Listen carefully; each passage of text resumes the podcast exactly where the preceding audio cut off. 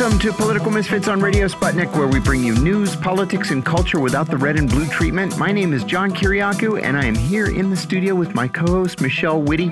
Get ready to go against the grain. There's been so much breaking news today, Mm-hmm.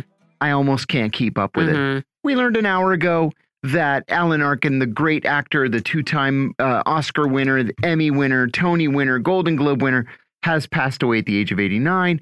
I just now, literally one minute ago, got a push notification saying that Brazil, uh, in the next few minutes, will formally bar Jair Bolsonaro from running for president because he per, was a purveyor of uh, false uh, election uh, accusations that Hmm. the election had been stolen from him. He's banned from politics.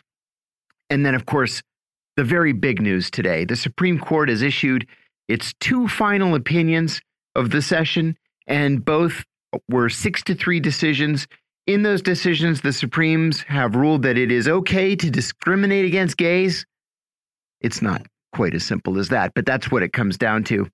And that it is illegal to forgive student debt. And I'm not a lawyer, but it does seem to me that there remain in both of these cases questions of standing or whether anybody Yes. has actually received an injury, which we're going to ask. We're going to talk wanna- about that. Yeah, I want to ask our first guest. I mean, of course, there's always a possibility that I misunderstand these Me legal too. technicalities, but there's been some very strange reporting about uh, this supposed like instigating event for this case about the the website designer refusing to design a, a website for a gay wedding, uh, which w- seems to indicate that th- the initial request for this website didn't doesn't exist or it came from a was was misattributed at- at a the very least but seems to have been possibly made up Possibly. which Yeah. would mean like Pretty no, crazy. no she hasn't actually received any requests to do this and so nobody's been hurt and so why did this actually end up i mean you know of course it would end up at the supreme court anyway i suppose but Right. i'm very curious what our first guest can tell us about uh, the sort of legal technicalities in these Yes. cases Yes, and he has a lot to say. I also wanted to say, you know, we uh, we talk a lot about Donald Trump on this show, and indeed, all of the news networks talk a lot about Donald Trump. But Donald Trump's appointment of three right wing Supreme Court justices in four short years is something that we are going to be talking about for a generation, because these votes at the Supreme Court are controversial, and they are not close. So. and something- the fact that you know he did this while we had you know eight, eight years of a democratic president who was somehow stymied at every turn Yep. Hmm, okay Yep, that's exactly right. We're also going to talk about the situation in Palestine from a couple of different angles. We're going to speak about the Jewish Settlements Archival Project. That's at New York University. And we're also going to speak with a scholar about the latest in Israel's efforts to establish relations with Saudi Arabia. That boy, there's a lot to get through on that issue because it has to do with Palestine and Palestinians and the Iranians and the Yemenis and the United States. There's been a crazy development here in Washington that I'm not exactly sure what to make of. i'm very i think this is fascinating I do too. Yeah. The U.S. Special Envoy for Iran has had his security clearance suspended. He's been barred from the State Department. He's been suspended without pay while some sort of security incident that we don't know the details of is being investigated. Does that mean that he was just a little fast and loose with some documents? Does it mean that he's liable to see an Espionage Act charge? We don't know. i mean but I'll tell you, I've been here for 41 years and I've never seen this happen before. it does feel scandalous It does. and i do wonder since you said did he play fast and loose with some documents is this a result of document fever Exactly. you know what i mean where of course we sort of chase down Donald Trump to see what he's got in these boxes that he took with him. Then we got to go look at what Joe Biden's got in his garage, and now just everybody, you know what I mean? If you, uh, everybody's under an intense scrutiny. Again, highlighting the fact that uh, the issue of overclassification here in, in Yes. this country. Yeah, This is why the entire system, and I'm including classification, declassification, mandatory declassification, which is a separate issue, the Espionage Act, all of it needs to be scrapped and rewritten from the bottom up. Otherwise, everybody's going to go to prison in Let's do- Washington. Let's do healthcare first. If Yeah. we're gonna if we're gonna whip up an appetite for just cha- overturning things and changing them wholesale, I That's say right. healthcare first, uh, classification, espionage second. just if you asked me, if you asked me, and definitely do them both. Yeah, definitely. Definitely. definitely. Hey, can I tell you a story about um, inflation? Please. We talked about this yesterday, right? We talked about um, inflation in the European Union and what is driving it, which is mostly corporate profits. What do you Yep. know? Well, I, you know, we we might have spoken too soon yesterday because uh, the Wall Street Journal tells us today that the continent's governments are actively cajoling businesses to cut prices on everything from pasta to chicken because profits are too high. So, you know, made a big deal out of this yesterday, but uh, governments are actively cajoling CEOs, John. So I'm I don't think we have anything. I don't even know. I'm glad. I don't even. I trust in my leadership, right? There's nothing more to say here, but we got 15 minutes to get through. So I'll tell you some more.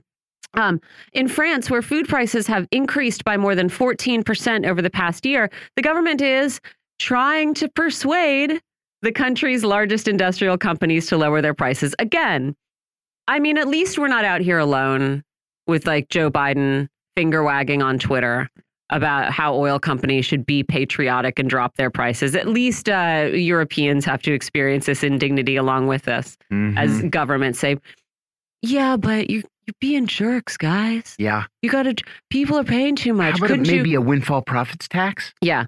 Which Um, nobody ever wants to talk about? Well, you know, I will say, Fr- France's finance minister has said uh, he, you know, in this process of cajoling and persuading, uh, he is ready to name and shame companies that are unwilling to pass on lower costs to consumers. So, big gun number one. Uh, he has also said he's considering creating a special tax on the profits of those companies. So there you go. There's your windfall tax. Finally, Good. we get to something concrete.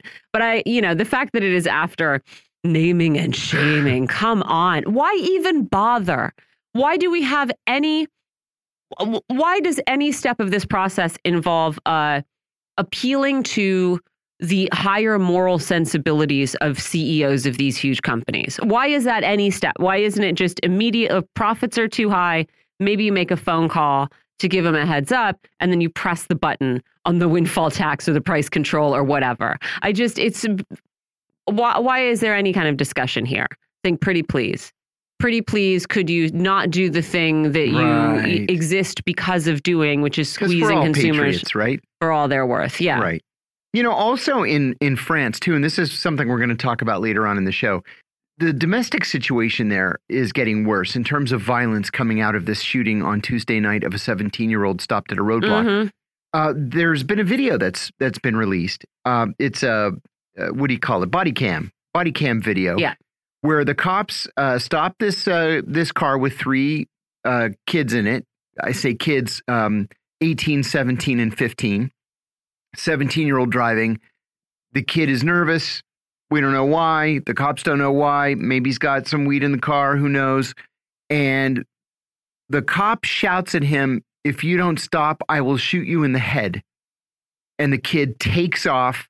The cop opens fire and shoots him three times in the chest. Now, the reason I, I raise that is a couple of years ago, the French Ministry of Justice changed its policy and allowed the police to fire at fleeing vehicles. This was a major policy change. Since that policy change has taken place, there have been dozens of these kinds of shootings. What was, I guess that's because, I mean, firing at someone who's running away seems to be uh, bad form. Oh, yeah. I can only imagine, though, that this is a result of like car attacks, like the Nice truck Sure. attack, or s- you know what I mean? Like if someone's trying to run Sure. people over in a crowd, of course you got to shoot at that that truck that's fleeing you. Agreed. Yeah. But I if- mean, I have to. I don't know. I'm guessing you're a that's what it nervous was. 17 year old kid, I'll tell you, when I was 17 years old, Well, no, if start- a cop stopped me, Mhm. I would be a nervous wreck. Yeah, I wouldn't drive away. I wouldn't either, but I mean, some some kids would. Neither here nor there. Right. Yeah, you should. And also, again, I think the explanation offered by the cop is that he was uh, scared that he was going to run somebody else over. I don't think Yeah. this. No, no. It, yeah, I, I, don't think buy this, it. there's. I mean, there's footage of what happened, right? It doesn't seem to footage. demonstrate that there were. I don't. Yeah, You know, but the point I was going to make Mhm. is that um, you know that first night there were riots in a western Paris suburb where this took place. Forty people were arrested.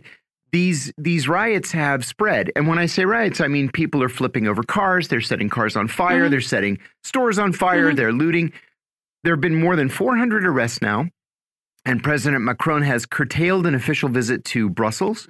He's returned to Paris, and we'll see how bad this gets. you know what? He hasn't skipped What lunch? that Elton John concert. Are you kidding? He was at an Elton John concert. I think it was la- it was last night. Yeah, he's coming back early from Brussels, but he's gonna go tap his toes to Elton John. Oh my. I know. Okay. Macron Well, is like my age, right? yeah, he's a young guy. I mean, Elton John. It's sort of. I'm. I, listen. Yeah. I think people should. Elton John is the same age as my mom would have been. hmm Yeah, and I'm older than you by a lot. Yeah, I had a. I had a mean thought about Macron and his wife at the Elton John concert. And I will say, I think you should marry whoever you like, and I don't care about age differences in relationships. But I was thinking, like, oh, El- she probably was like into El- young Elton John when he heyday, was young and releasing records. and her husband is going to see a sort of like retro, uh, kind of retro concert. Thought that was funny. I know it's a little bit mean. You know what? It's Friday. okay. It's Friday, and I'm tired. That's right. A couple of other things too. Hunter Biden came to an agreement with the mother of his child at a court in Arkansas yesterday. This is one of the oddest such agreements that I've ever seen. So Mm-hmm. in in exchange for paying child support, which he will not pay, he turned over four paintings to the child's mother. The paintings in a gallery are worth $500,000 apiece. Sorry, Yeah. Oh, two Crazy, questions. Yeah, right? it is. I mean, what, one, I'm curious just how long you think Hunter Biden's paintings are going to have value, I don't think whether they're it lasts anything. beyond Joe Biden's tenure right. in the I White think House. this is all fake. It's all it's all phonily, if that's a word, inflated um, the prices because he's Joe Biden's son and Joe Biden happens to be the president right now. but the other is, how do you get out of paying child support? I mean, I I guess know, it's, this is sort of a lump sum of child support where Right. he's saying, I don't want to pay you every month. I don't know why. Uh, uh, right. So I'll just give you what is at the moment the equivalent of $2 million. Right. I guess. Uh, it just, I don't know. I mean, like, it, it's weird to be allowed by a court to not pay child support. I, this is a deal struck by the child's mother, right? So I'm assuming yeah, that she it's thinks a deal it's struck a by the child's good mother. enough deal and- for her. And in nine cases out of 10, judges will sign off on whatever the two sides have negotiated. It's unusual for a judge to reject it. It happens. It, ha it has happened in my case where my ex wife and I have agreed on something, and the judge says, No, we're not doing that. We're going to trial. I mean, she must think it's fine, you know. Oh, who knows, right? Who knows? Maybe she thinks Well, better to take this sum right now yeah. and bank on Hunter Biden, who has a history of sort of volatility and running away from things, et cetera. Yeah, maybe just take the money now. Yeah. But in exchange for these four paintings, she has dropped her uh, request to change the child's surname to Biden. Which is also I'm offended by that. Yeah, I think that I'm not offended by it, but it does seem crummy. It is crummy. you know, like you don't, you want to. It's not this kid's fault. Even if Hunter Biden, you know, I'm I'm pretty sure he's suggesting that she somehow tricked him or something, or you know, he fought this every step of the way, didn't acknowledge paternity until he was forced to. But again, none of this is this kid's fault. You I don't. agree. This is an innocent child. You don't have any interest in in this child. I don't know. It's, innocent it's child. just it's Your just flesh and blood. it's just crummy on a just personal level, right? It's not anything more than that, Yeah. but it is really crummy on a personal level. Yeah, and you know, he seems like a real nasty human being. As the father of five children that I know of, no, I'm just kidding. As the father of five, I just can't imagine working to walk away from one of my children. I'm sure if one came out of the woodwork and was like, "Hey, I'm a Kiriakou," Oh, come on over. Yeah, right, come, come on on down, as they used to say. Yeah. awesome. Got it. A jury in Florida acquitted uh, this deputy sheriff by the name of Scot Peterson, ironically, who failed to confront the Parkland gunman. This is the cop that stood outside for an hour while the gunman was inside murdering children. He was found not guilty of a whole bunch of of um crimes. He cheered and cried and whatever. Am I wrong for feeling sorry for this guy? yes. It was just, yeah, it was Yeah. just him on his own. It's not the same as like the, you know, you know dozens of people. That- that's your job. yeah. That's your job. Is it your job if you're a school of resources officer? You're a cop Yeah. and you're armed. So, yes, it's your job. If not, you can go to Costco and work there yeah. and give somebody else the gun and the badge and let them do the job. Very willing to be wrong. I think it's just I, it's hard to imagine having to take the stand and defend yourself against charges of just like of like I cowardice. said to a right? friend of mine like, last that night, seems yeah, awful. he may be innocent of these crimes, but he will be a coward until the day he dies.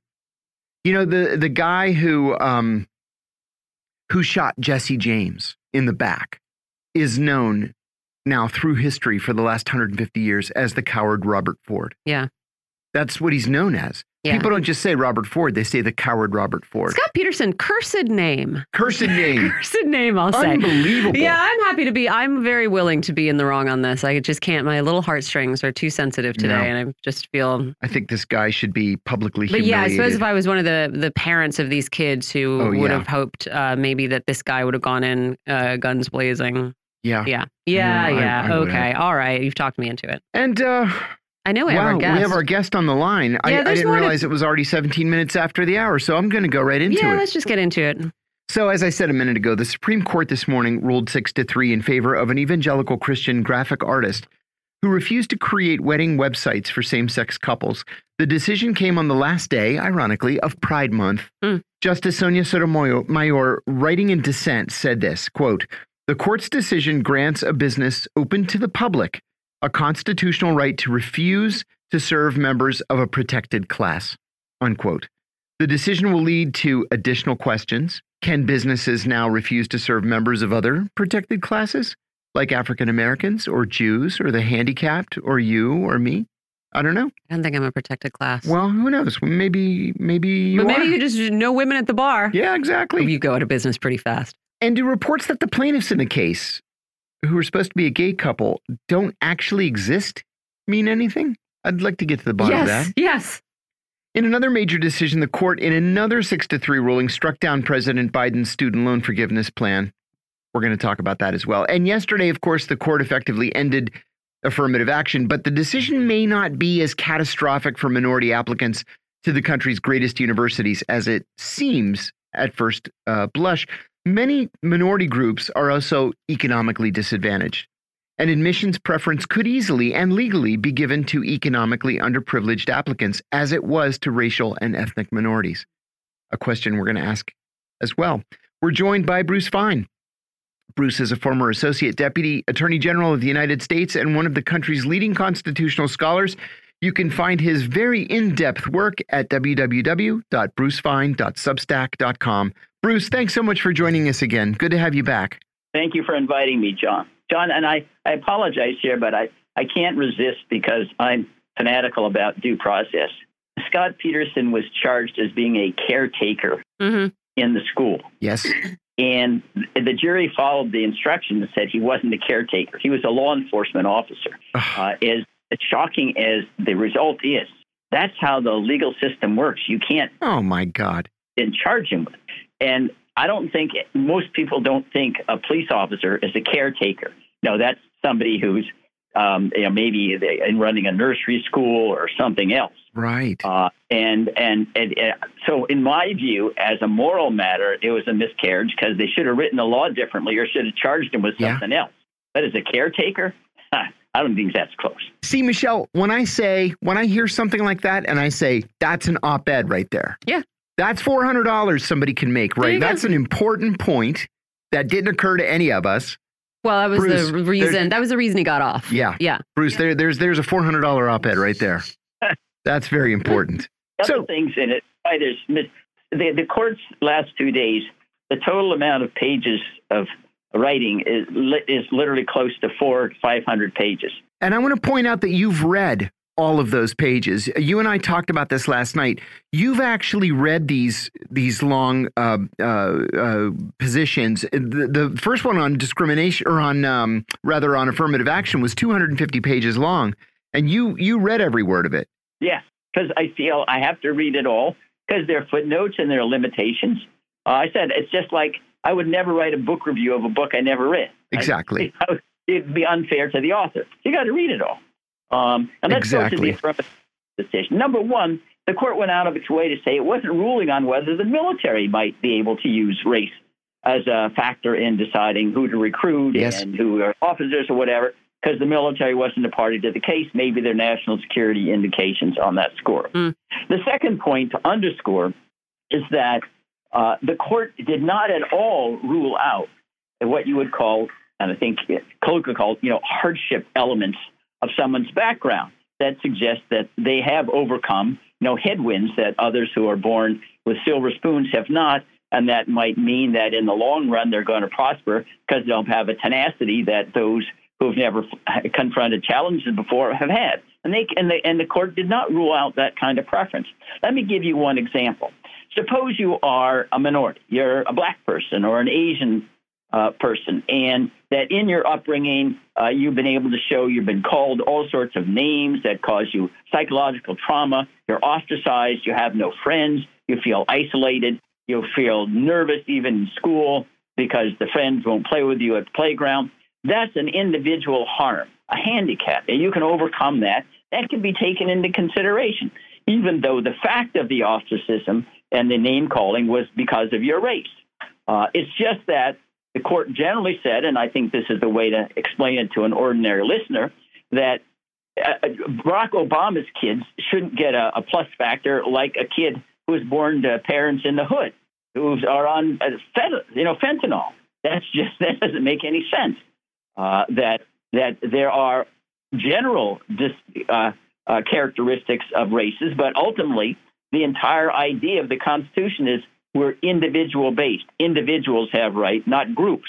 And if you look at individuals and consider them individually, if they've overcome a handicap uh, and a hardship, yeah, you can give them a preference. But the fact is, not all blacks or minorities have had to overcome that hardship. Some have and some have not. And you give the preference to the ones who have. And the ones who have not, they should compete like whites who have and haven't overcome any hardships either. And of course, whites can overcome hardships as well. They're not all born into silver spoons, and they can grow up in Appalachia and have parents who on drugs and otherwise. So they get the same opportunity to show hardship as anybody else, irrespective of skin color. I mean, that's the gist of this. Um, and um, I, it's hard for me to believe that this can be viewed as some kind of uh, racial setback. Uh, in fact, the Constitution understands that there was never and has never, and no one has suggested, an obligation for any institution or state to give affirmative action. Recognizing tacitly, yeah, the gold standard is, hey, race neutrality, you know, individual examination. And that's where we are right now. We just took that gold standard and said now it's nationwide. It's not just limited to the handful of states that on their own decided right. they didn't want to have race preferences. Like Michigan or California had in the past, the recent Correct. past. That is right. By referendum, they decided they wanted to do away with it. And that's where we are. Now, uh, there may, and, and I think that if you look at the experiences in Michigan and California, and they're now many years old, uh, where race preferences have been uh, precluded, uh, there was a small dip in uh, the racial diversity, the campuses, but it wasn't overwhelming. Um, and the fact is, there isn't, if you're thinking of just diversity, you're looking at diversity of ideas. That's what gives educational enrichment. And this very, very, very patronizing suggests, oh, everybody the same race has the same ideas, which is absurd. I can tell you, I know that's not true of the black race. It's shown in the Supreme Court's opinion itself. Clarence Thomas is black. He wrote a concurrence that's really the opposite of, uh, of Justice Jackson, who is black, wrote a dissenting opinion. You they know, don't think alike. So they're going to bring, yeah, they, they're going to bring different viewpoints to campus, and the whites will as well. So the the idea that race is a proxy for diversity of ideas is simply unsubstantiated. I wanted to actually, before I ask you the follow up question, I should say that there's breaking news from the New York Times that the Supreme Court has agreed to hear a case on whether people subject to domestic violence orders can be forbidden from having guns. This has been coming for weeks now. They've been talking about this case for weeks, and just now the Supreme Court has formally announced that it will take up the case. Okay. Uh, one of the things that I wanted to ask you about, and this surprised me greatly, was how Clarence Thomas, as you just said a second ago, took direct aim at Justice Ketanji Brown Jackson, criticizing her and her position in this case quite sharply. Um, is this normal to, to criticize a specific justice? I'm only a casual observer, of course, but I don't recall justices attacking each other in written opinions. Or uh, have they done this and I just wasn't aware? Well, first of all, and I don't know why they call this in defense of Justice Jackson, uh, they're both uh, talented writers, and Justice Jackson uh, is a talented writer too, and she used language. It wasn't, it didn't use direct language, but said the concurrence is just wrong-headed without merit or something like that. So it wasn't a one-sided assault, and and Justice Jackson turned the other cheek or anything. Um, I don't think, but no, the, the fact is that justices have been critical of each other. I think the high watermark uh, of criticism was go back to the uh, World War II era. Justice Jackson and Justice Black were at loggerheads about Justice Black sitting in a case where a former uh, law partner was a litigant, or at least a representing an attorney. And Justice Jackson wrote something that was a direct assault on Justice Black's character. I mean, it was really amazing. Uh, I, I, don't think anything has reached that level of of uh, antip- antipathy in the public domain. Uh, but it's not at all unusual for justices to, to cite opinions written by people on the other side of the aisle in the case to say, see, this is what they said yesterday and this is what they're saying today. Now, I will say this, however, that I do think that the polarization has given a greater tenseness. I, I still think that the discourse is within the range of how civilized people disagree. But here, um, in just, Chief Justice Roberts wrote the majority opinion in the student loan case, where the court held that uh, the Secretary of Education couldn't cancel $450 billion worth of student loans under the HEROES Act. And, and, and, and in the low closing paragraph, the Chief Justice says, you know, you're, it is, you're, you're really discrediting the legitimacy of the court by going and attacking, you know, how, how you think that we're trying to manipulate language and doctrines to achieve you know, an end that's not something within the ambit of the judicial branch. So that's kind of telling. I'd never read anything like that, and I've read literally tens of thousands of Supreme Court opinions. He's clearly the court clearly is worried with that statement that their legitimacy is being undermined. Uh, and I, but I don't think the undermining is just because you got dissent. Uh, as you know, part of the undermining is all the fancy trips going with billionaires, finance closure and the absence of any code of ethics that constrains court justices. Um, and really, the turning the court into a political football by holding hearings or not holding hearings, uh, you know, based upon who's in the White House or not. So that's just the nature of, uh, of our politics at present. Bruce, uh, going back to the uh, to the decision that was just made uh, about this graphic designer, this is so strange. It, I just don't understand it. You and I were having a conversation last night in which we were we were talking about protected class, and you know African Americans are a protected class. Uh, any any racial uh, or ethnic minority, uh, Jews, the handicapped. There are lots and lots of protected classes out there. So how how does this decision not affect them, or does this decision make it legal to discriminate against them? What if the graphic designer had said, "Oh, I don't I don't design websites for people in wheelchairs." Is that legal now? Uh, let me let me make um, a larger observation first, uh, John, and that is you're you're reading the court's decision as though it will be principally applied in the future. Uh, ah. Unfortunately, read so many decisions, they they they stop lines and don't draw and don't go beyond X Y Z. Uh, one justice formally said the court's decisions look like restricted railroad tickets, good for this day and train only. Uh, and so to take to say, well, yeah, if you take its logical reasoning, as Ted points out, it's a disaster. But there's no indication. You know, the court is a political body, and it's not right. going to push. I can guarantee this court is never going to say, never going to say, oh yeah, yeah, uh, public accommodations doesn't have to serve blacks. Not going to happen. It is not going to happen. I don't care what the logic for other opinions are. Now, this case was very odd for other reasons, as you insinuate. First of all, there was no gay couple that the plaintiff refused to serve. Yeah. Right. That's what Michelle wanted to ask you. It almost uh, the New Republic wrote about this. They they contacted the person whose name and address was provided as having made this request that that was turned down. He has no idea what happened, but it also the initial lawsuit seems to suggest that the the suit was filed before the request was made. The the the the the, uh, the provider, the builder of the website says, "I'm going to do website building." I, I'm fearful that if I go into the business, you're going to make me serve client that I don't want to serve. So, but the no clients has actually appeared. You know, so mm-hmm. but you know, so and and and you figured with the notoriety that she had, you know, what kind of you, you could have you know an aberrant case, but if you're gay, you're probably going to say, "Yeah, I don't want to go there." You know, you know, mm. you know like a, a Jew is not going to voluntarily visit Auschwitz where they're in the middle of the war. That's kind of stupid.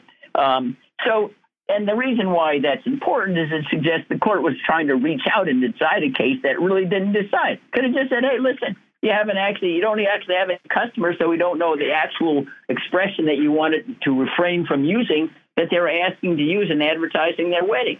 But I think the larger, what I, I think, flaw um, in in the court's opinion was it suggests, well, by by by having this prohibition upon um, you know refusing to develop a website for a gay couple's marriage, uh, wedding, if you will, um, that it was somehow constricting you know the free marketplace of ideas, but it wasn't. There's yeah. nothing. If complying with this statute, this website designer could use a bullhorn, could write op-eds, could write a book, could go out and say on the website, I don't like same sex marriages. I think they're against Bible. I think Leviticus condemns them. It's like saying, no, you have a million outlets other than designing a website to express your view, and you have a right to do it however you want. So they, she could have actually, in fact, said and put a disclaimer on the website that I don't agree with same sex marriage. And the website that she prepared for the uh, con- consumer, if she wanted to make clear that she wanted to disassociate herself with any message, explicit or in the subtext of the website she developed, they wouldn't have to be same sex marriage. I don't believe in these people because they like guns or don't like guns or anything else. So that was so disingenuous because no, you're not constricting speech. She can use every single outlet imaginable, other than when you're in commerce and you're holding yourself out to the public. Yeah, you have to serve everybody. Yes right? Are there also. Uh, How could it be an infringement on her speech if she can disclaim any misunderstanding of the public that by developing the website that she's supporting or endorsing same-sex marriage? That doesn't mean she just says I don't, and and, and, and the buyers can't complain about that. I mean, this is yeah, pretty simple in my judgment. Yeah. Were there also questions in the student loan case about standing or or anyone having actually been injured? And I mean, I guess the answer when and you say in fact, the White House said that they've got a contingency plan just because of that. I mean, I guess the implication is that it actually doesn't matter. Like uh, Bruce, you said the Supreme Court sort of re reached out and wanted to deal with this case, and it doesn't matter if no one's actually been injured. So I guess that doesn't matter in the student loan case either. Are there parallels there? Yeah, there are. I mean, the fact was, I thought the dissent crushed the you know the majority because uh, there were six states were the plaintiffs. Six states were the plaintiffs in uh, the student loan case, and it was a state agency that serviced student loans whose alleged injury justified Missouri in being a, a plaintiff with standing. But under Missouri law, the state agency was separate. The state wasn't liable for its uh, debts or it wasn't entitled to its assets, as separate legal existence. In fact, the separate state agency could have sued on its own, but it didn't. So it's another example of the court manipulating standing to reach a result that they want or don't want to reach. Um, now, I, despite the fact that I may sound cynical about the court's manipulation, uh, and I, am cynical in the sense that, yeah, I know that they play games, but I still justify and argue in defense of the judicial system because it's way better than what I experienced in Congress or the executive branch.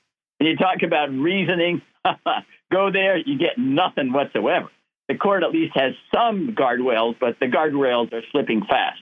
Now, what I thought was amazing about, and, and, and really quite alarming about the student loan case, was an issue that was never addressed by any of the parties or the majority or the minority. And that is the Congress authorized the president to declare a national emergency, like war, right? And, and therefore, and then take various remedial action, you know, to eliminate the harm. But it has never, Congress has never defined a national emergency. It goes back to the National Emergency Act of 1976. A national emergency means whatever the president wants it to mean. Mm-hmm. There's no standards whatsoever. He declares it. Trump declared a national emergency because of COVID. Biden says, ah, that's not a national emergency anymore. Why? Well, just because they decided it, you know? So the real problem that we have here is that Congress creates all these issues because they don't want to write anything down. They just say, oh, let somebody else decide because then it'll mean less vulnerability to be a primary because didn't vote on anything.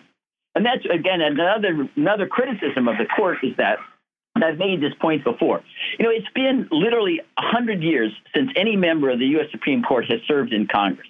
Okay? Justice Hugo Black was the last one who was, appointed in 1938. Um, and the fact is that the court has a totally fanciful view of what motivates Congress in writing these statutes. You know, it's like Mr. Smith goes to Washington. Oh, they discussed this. It was intellectually untidy and it'll undercut X or undercut Y. He says, Have you actually ever been in Congress? These members, they very seldom ever even read the bill, certainly don't read the committee reports, and they vote for the bill because somebody else voted for a bridge in their district or something, or hey, it's a political hot issue, and if they blame it on the executive branch, then that can make it into a wedge issue for their campaign. Nothing that Congress does has any substance to anything in terms of overall policy objectives that we're trying to move forward. I said, really? policy objectives? You walk into a congressman's office and talk about policy objectives? No, go someplace else. I don't want to talk about that. I want to talk about what's going to get me an edge up in my next political campaign. And so we have these standards or canons of statutory construction are light years removed from reality. That's not how Congress operates. So it's ridiculous to somebody who knows how Congress operates. Oh, yeah, imputing these motives or, or intent to Congress. I mean, you can't find anybody who had that intent. You're making all this stuff up because they don't want to be candid and say this is really how Congress operates. We're going to have to just tell them, hey, unless you write something clearly, go back to the drawing board. And that's why we persist in all these cases. You know, it's all that different from last term is because until the court stands up and says, we're not doing this anymore, we're not going to take over Congress's job, fill in the interstices that are gaping because you don't want to write anything, you want to give all the power away, and say, you either do your job or we're not there anymore. How could the court do that? Because, yeah, you are describing uh, very compellingly a situation in which we are sort of ruled on one hand by the occasional executive order by a president, which can be undone by the next one, and by the Supreme Court. Is there a mechanism for the for the court to do what the American people have not really been able to do and the two parties haven't been able to do, which is to actually, yeah, get Congress to start representing the people who put them in, into office? This is where this is what I've suggested. It's not ever been done before you have drafted an incoherent, incomprehensible statute. We're treating it as null and void. Go back to the starting point. Hmm. That's what they would have to do. They would have to treat a statute as having no legal dignity because it's so incoherent and impossible to interpret without giving the power of decision making and policy making to the judicial or executive branches. When it's the legislative branch under the Constitution, Article 1, Section 1, then to which all legislative power is given. That's what they would have to do. And they haven't had the guts to do this, but that's that's the only way we're going to get out of this. Otherwise, Congress will give them the easy way out and run away. They don't want to decide anything. That'd be exciting to see. Yeah, I'd like to see that. Yeah, we have almost 50 years since the National Emergencies Act. Congress hasn't spent one second trying to define a national emergency, which is as open ended as you can imagine. A national emergency can be illiteracy, it could be the wall with Mexico, immigration, climate change, whatever you want it to be. mm-hmm.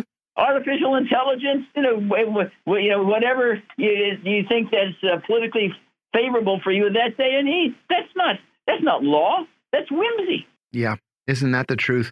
We're going to have to leave it there. That was the voice of Bruce Fein. Thank you for for for educating us on these complicated issues. Bruce is a former Associate Deputy Attorney General of the United States and one of the country's leading constitutional scholars. You can find his work at www.brucefein.substack.com. I know we have our next guest on the line, yes. and I have been wanting to talk about this report from earlier this week uh, in which the you referenced this when we started the show. Uh, this uh, Jewish Settlements Archival Project out of NYU has uh, provided through publicly available documents access to the inner workings of the Israeli government and military during the early years of the settlement enterprise. This is how, how an article in Haaretz put it. Um, and the process has revealed tactics like literally poisoning Palestinian lands to make it easier to take for Jewish settlements, and that this poisoning uh, was not being done by uh, rogue settlers out of the control of the Israeli government, nor by a particularly uh, right wing or conservative Israeli government. In fact, much the opposite. And so we're going to talk to our next guest about, you know, uh, what this says uh, about these, uh, you know, recent historical processes and how they reverberate today. We are joined by Zaid Khatib. He's an organizer for the Palestinian Youth Movement. Thanks for joining us, Zaid. Thank you very much for having me. So, we're talking about the 1970s here. We'll start with this report. And as it was explained in, in Mondoweiss, uh, these documents provide a picture of how Israel was able to get hold of the Palestine, Palestinian village of Akraba in the northern West Bank. Israel wanted the land for a new Jewish settlement. First, they tried to tell Palestinians living there that the land was needed for a new military training zone. But when the Palestinians there insisted on continuing to cultivate the land, Israeli soldiers sabotaged their tools and were later ordered to destroy their crops. This did also not work to evict the Palestinians, and so a radical solution was employed. A crop duster spread a toxic chemical that was lethal for animals and dangerous for humans. And so after the spraying, humans were to be barred from the area for three days and animals for a week. This seems to have done the trick. And in the end, 83% of the lands of this village that formerly had held 4,000 Palestinians were taken by Israel. Again, in 1972, it's a while back, but it's not ancient history. And so, you know, on one hand, this story has gotten some headlines. Uh, I think it is, you know, important to to understand these processes. But I also expect for Palestinians today, this is not breaking news. This is not something novel. And so I wondered if you could talk to us about the process that was described in this new report and uh, whether there's anything unique or notable in, in these tactics that Israel uh, has been using for some time to dispossess Palestinians of their land. You know, absolutely not. Like, like this might sound uh, shocking on the face of it, especially to people who might not be familiar with the with the context of uh, Zionist ethnic cleansing of, of Palestinians and and of our homeland. Um, but what, what's what's important to keep in mind is that the the Zionist entity, like the whole the whole project that is Israel, is predicated on uh, ethnic cleansing, and as a settler colonial project, uh, depends on the removal and the erasure of, of Palestinians. So uh, even even before our Nakba in 1948, uh, which is which means catastrophe, um, there were there was a lot of uh, exclusion of Palestinians through uh, through Zionist early Zionist settlements. Um, it culminated, of course, in in our Nakba in 1948, in which uh, over 750,000 Palestinians uh, were forcibly expelled from our homeland.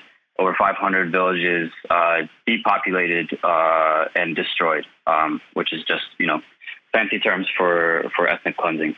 Uh, so in terms of the scale of the violence, it's it's not anything unique compared to uh, what we've seen. I, I think that uh, there are a lot of more discrete forms of violence that uh, Israel employs against Palestinians, uh, especially in uh, certain contested areas like the West Bank, uh, like the Naqab, like the Negev Desert, mm-hmm. um, against against Palestinian Bedouins. But absolutely not. This, should, this shouldn't be seen as as separate or as unique in, in the context of uh, the Palestinian struggle. And what about the fact that this was undertaken by the Israeli military at the direction of the Israeli government and not, you know, one, it's not sort of lawless, ultra right wing settlers who the government unfortunately can't control. This is a government project, and it's not the project of uh, what is understood to be a right wing government in Israel's history, but rather the supposedly liberal government of Golda Meir. Can you talk to us about, you know, the, the relationship between, uh, or I guess, talk to us about the difference between quote unquote liberal and quote unquote right wing governments in Israel when it comes to the relationship with Palestinians and also the relationship between the Israeli government and the settlers who I feel like uh, sometimes are just used to do their dirty work. Yeah, absolutely. Um, I think you know for Palestinians, uh, there is very little material difference between between right wing and more uh, quote unquote liberal Israeli governments. Uh, it's more just about like how how much the quiet part is said out loud. You know, mm-hmm. Uh, there, there, are like more quiet, more discreet forms of, of ethnic cleansing and erasure that the Zionist entity undertakes. Uh, under under prime ministers like Golda Meir, um, but even even the first prime minister of of the Zionist state, uh, David Ben Gurion, uh, was uh, of uh, a precursor to like what would be, later be the Labor Party. Uh, so would have been would have been considered relatively left wing, uh, but you know also directly responsible for uh, executing um, executing plans to to depopulate Palestinian villages. Um, so th- there are more overt uh, calls to violence, um, and like this is a big contradiction within the Israeli government even currently, where you have right wing ministers uh, like the Minister of National Security Ben Gvir you have the finance minister, Smotrich, who are openly calling for genocide against Palestinians. Uh, and then you have others who are more liberal, uh, who support things like a two state solution, uh, but at the same time uh, refuse to condemn, uh, condemn overt violence against Palestinians and still pursue the settlement uh, enterprise, which which dispossesses us of our land through through uh, a great number of means. Um, some some that are more obvious to Western governments than than others. What are some of these uh, more discreet? ways of of enacting this ethnic cleansing. I think there was a, another reference to a, a national park project uh, in this um, this sort of settlement archive that was you know a, a project that was undertaken and you know uh, under the guise of creating a national park that actually allowed Israel to annex more land. Is is that one of those tactics? And can you talk to us more about what people should recognize for ethnic cleansing or displacement projects that are less overtly violent than poisoning the soil? Yeah, absolutely. Um, so what's important to keep in mind is there are there are a number of both uh, state like government institutions, but also quasi-state institutions that that the Zionist state uh, relies on in, in, service of its ethnic cleansing project. Uh, these are these are uh, early organizations like the Jewish Agency, Jewish National Fund, which um, were even uh, you know predecessors to to the state of Israel, uh, which facilitated early Zionist colonization, uh, but that still play a very active role uh, in in dispossessing us of of our land. Um, so, for instance, um, you know, as cited in this article, uh, the Israeli military at first, the first tactic that they tried to use. Um, against the villagers of Aqraba was to declare their village a closed military zone. Uh, and when that failed, they they resorted to uh, they escalated to poisoning the land. This is this is a tactic that's still employed actually.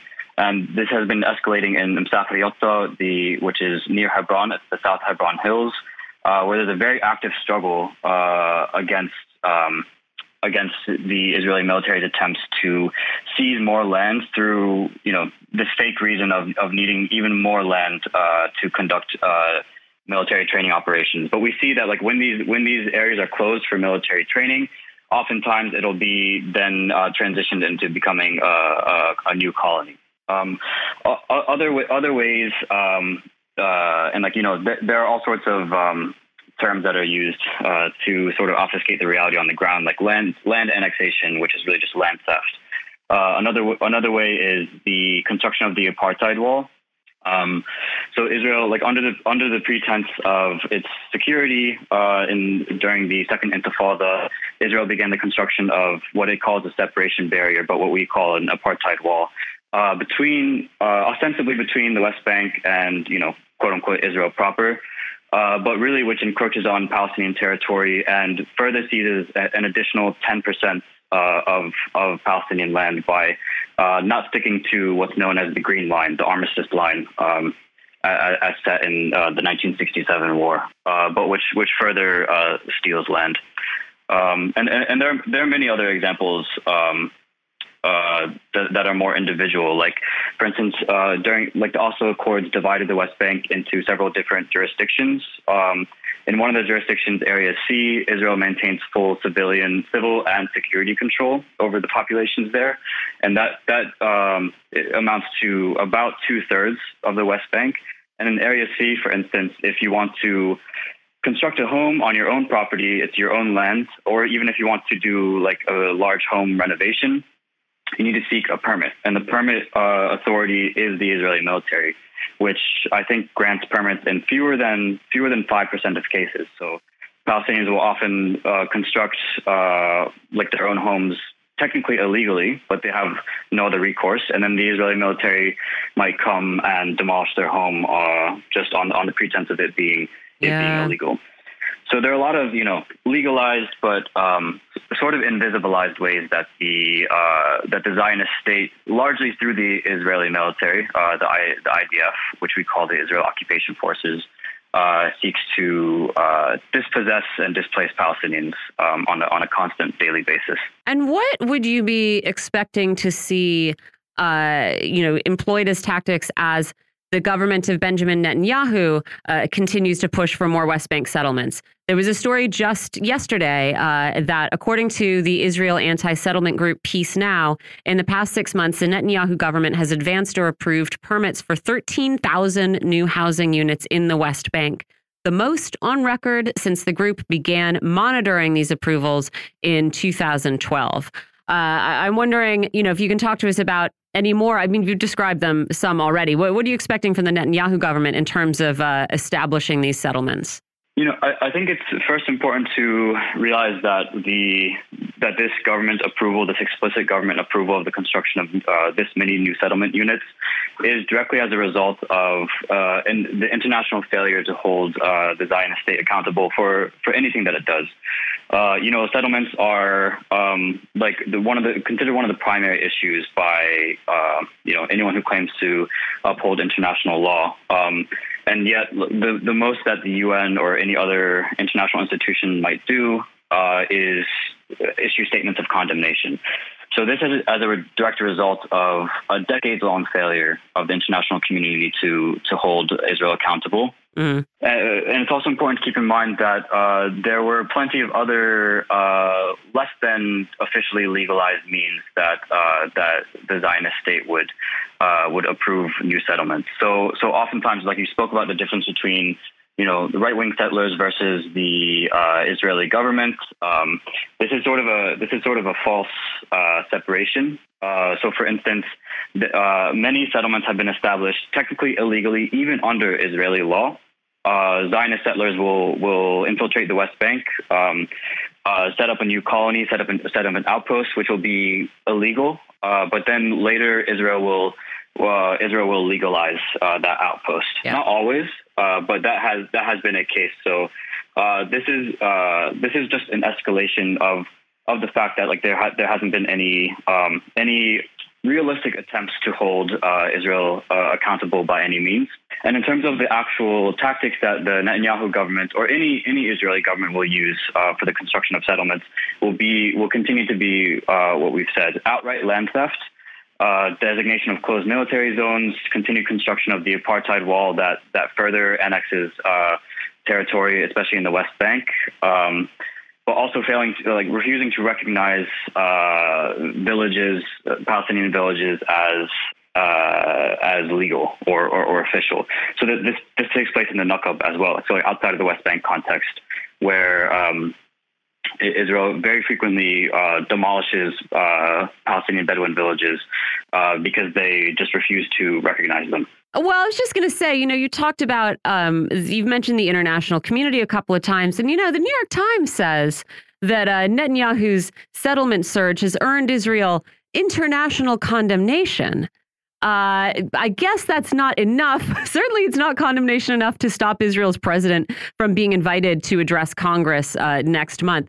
And so I wonder, you know, if international condemnation uh, isn't a strong enough response to uh, these continued illegal settlements, what international uh, what should the international response to these settlements be?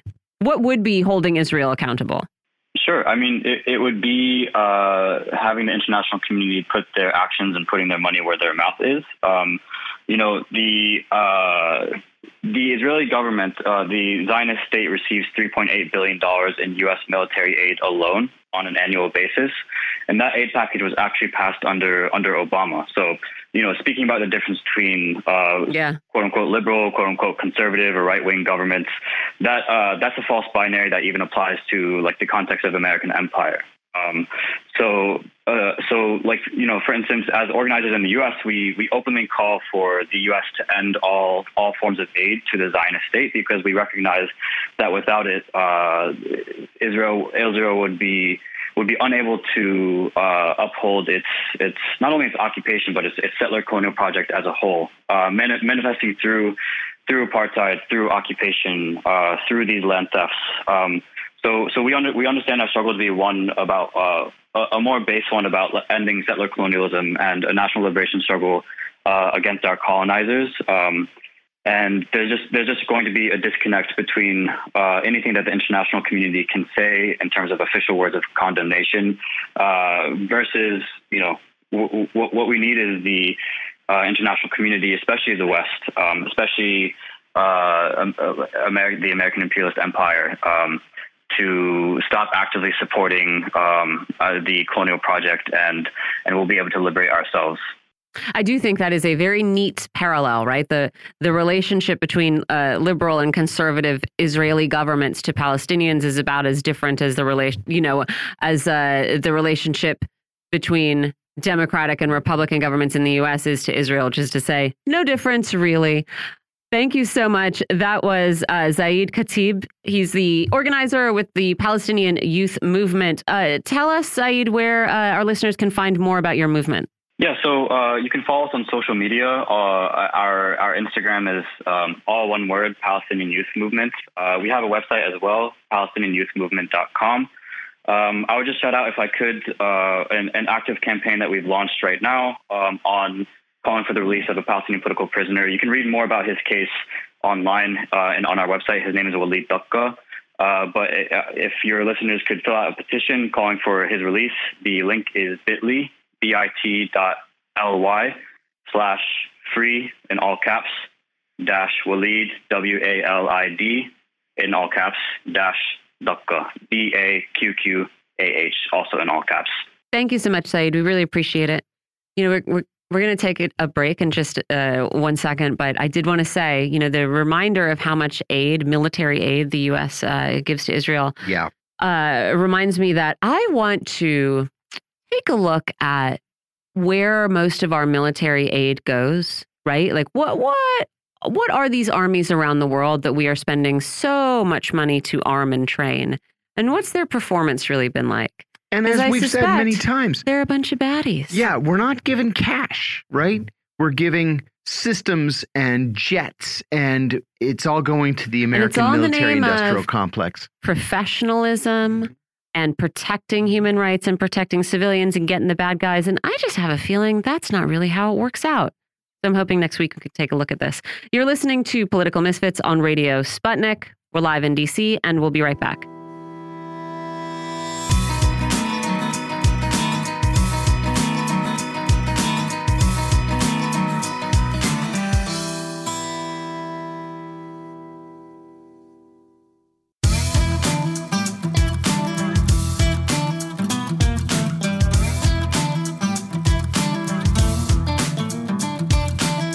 Welcome to Political Misfits on Radio Sputnik, where we bring you news, politics, and culture without the red and blue treatment. I'm Michelle Witte. I am here with John Kiriakou. And Michelle, something very strange is happening at the State Department. I love something this story. That, that really is unprecedented in recent history. And I'm usually loath to use the word unprecedented. The State Department has placed President Biden's special envoy for Iran, Ambassador Robert Malley, on unpaid leave, has banned him from the State Department, and has suspended his security clearance after an unexplained security incident, quote unquote. Malley said in an email to the Washington Post, quote, I have been informed that my security clearance is under review. I have not been provided any further information, but I expect the investigation to be resolved favorably and soon. In the meantime, I am on leave. Unquote. It is unheard of for an ambassador to have his security clearance suspended. It's unheard of for an ambassador to be barred from the State Department. There is no indication yet what it is that Malley is suspected of having done, but the implication is that he has somehow mishandled classified information and not accidentally. In the meantime, National Security Council Senior Director Brett McGurk will take over Malley's Iran portfolio as acting special envoy. At the same time, the United States is keeping up its pressure on Saudi Arabia to establish diplomatic relations with Israel. The push has been U.S. policy since the Camp David Accords in 1978, but Saudi Arabia has always resisted. In the past year, however, close Saudi allies, including the United Arab Emirates and Bahrain, have opened diplomatic relations with Israel. Saudi Crown Prince Mohammed bin Salman, who's the power behind the throne of his father, King Salman bin Abdulaziz, is willing to consider ties to Israel in exchange for a promise of significant U.S. assistance in establishing a nuclear power program in Saudi Arabia because there's no sunlight there for solar power and they don't have any oil. Nuclear energy is something that the Saudis have sought since the 1980s. Speaking at the Council on Foreign Relations on Wednesday, Secretary of State Tony Blinken said that diplomatic relations between Saudi Arabia and Israel were possible but difficult. He added that he has told the Israelis that continued violence against the Palestinians will delay or disrupt any move toward normalization, and that Israel has to come to some sort of accommodation with the Palestinians. That ought to be easy. Meanwhile, the thaw between Saudi Arabia and Iran continues. Iranian pilgrims have been welcomed in Saudi Arabia to take part in the annual Hajj, and a few days ago, the head of the Iranian National Oil Company said that preliminary work for bilateral cooperation between Saudi Arabia and Iran in the oil industry had commenced.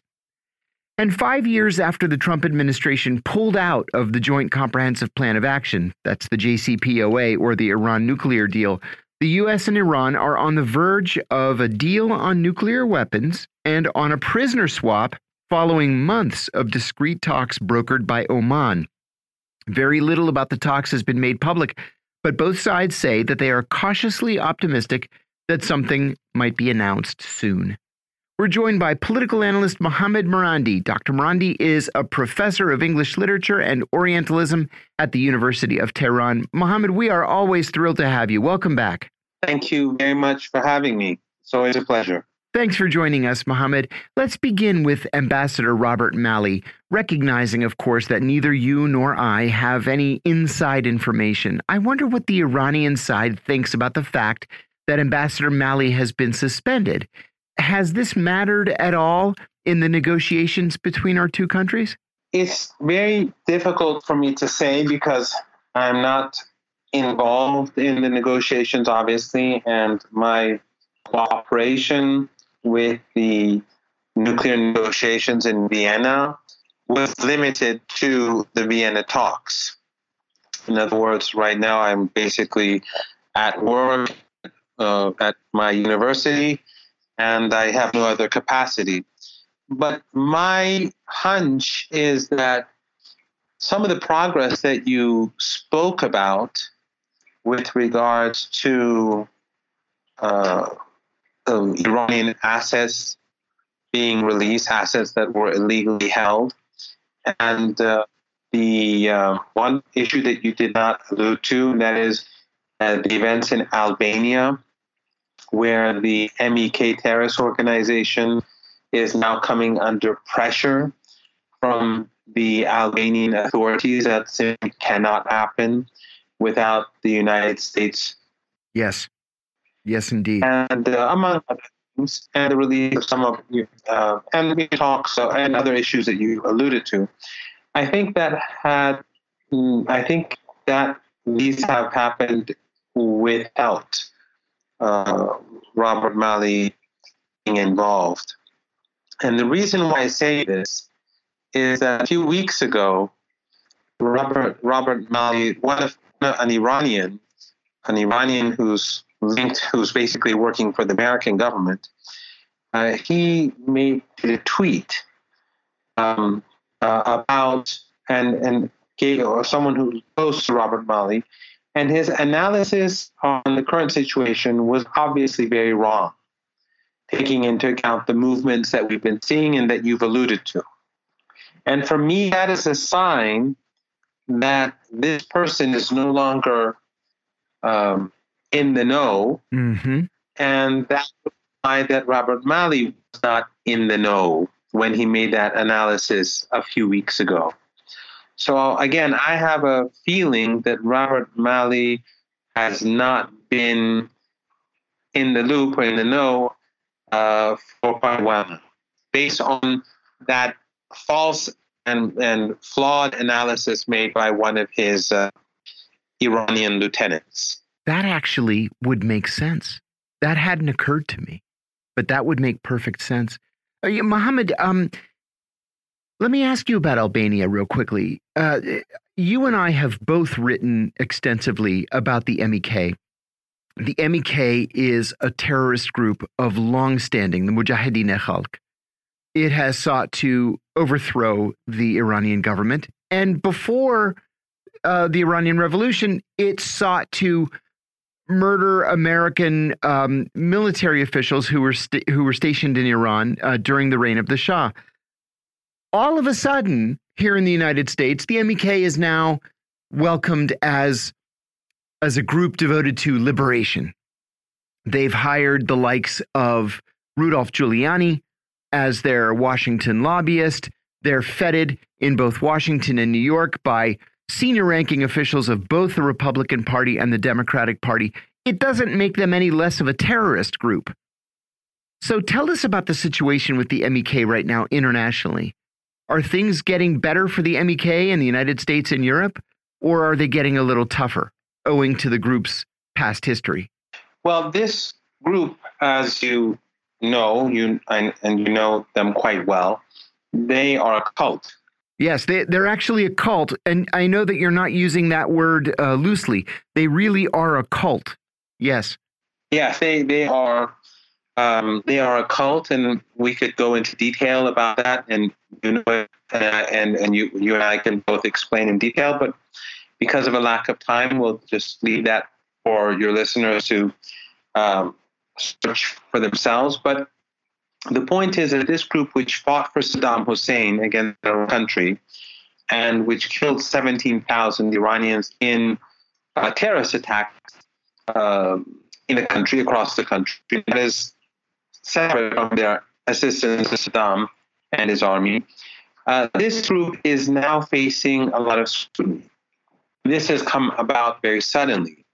They have bases across Europe and North America but their central base is in Albania, a NATO country, where they have thousands of members there who previously fought in Iraq against Iran, but now they are working um, as uh, as intelligence gathering, as an intelligence gathering organization.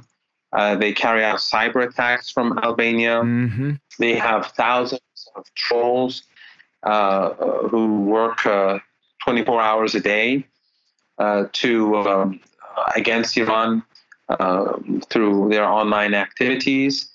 They cooperate with intel- Western intelligence and Israeli intelligence agencies to assassinate Iranians. So they, they have been very active, but suddenly, over the past few days, we've seen the Albanian government crack down on these people. They carry out major cyber attacks uh, against Iran from Albania too. So this change in policy by the Albanian government is, is, is both very sudden, very it's been very heavy-handed in a positive way, in my opinion, but also, as I mentioned earlier, it could not have been done done without uh, the um, encouragement of the U.S. government.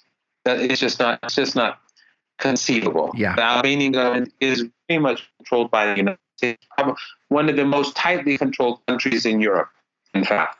So this is this is a, a I think a, a, major issue, and also. Um, we have to keep in mind that the Albanian government cut off ties with Iran in support of this terrorist Mm-hmm. organization. Mm-hmm. So, um, these, I think I, I would look at this and the fact that some of Iran's assets have been released and some other issues that have been going on in our region and um, and beyond as a um, a quiet shift in U.S. policy. And I'm saying this just as a citizen. I don't have any inside information, but I think there's a shift, and I think it probably has to do a lot with the fact that the, the hands, the, the U.S. their hands are full in Ukraine, and things are not going well in, in Europe or with China, and the United States um, has uh, doesn't have the ability to continue with uh, its current policy against Iran. So I think the Americans want to ease tensions. And um, uh, when we look at the different changes that have been taking place, despite the fact that Iran continues to expand its peaceful nuclear program, um, I think that says a lot. I think you're right. Mohammed, um, what can you tell us about the negotiations uh, between the United States and Iran? We've seen references to Iran's nuclear, quote, nuclear weapons program, uh, even though the CIA's uh, Special National Intelligence estimates said that Iran doesn't have a nuclear weapons program. We've seen reports about a prisoner swap. Can you tell us where are these talks taking place, and do you expect some sort of agreement uh, to come out of them? I don't know, and I mean, if I if I knew, you'd probably know too, because um, you know, these are very uh, important questions that everyone's asking. I don't know.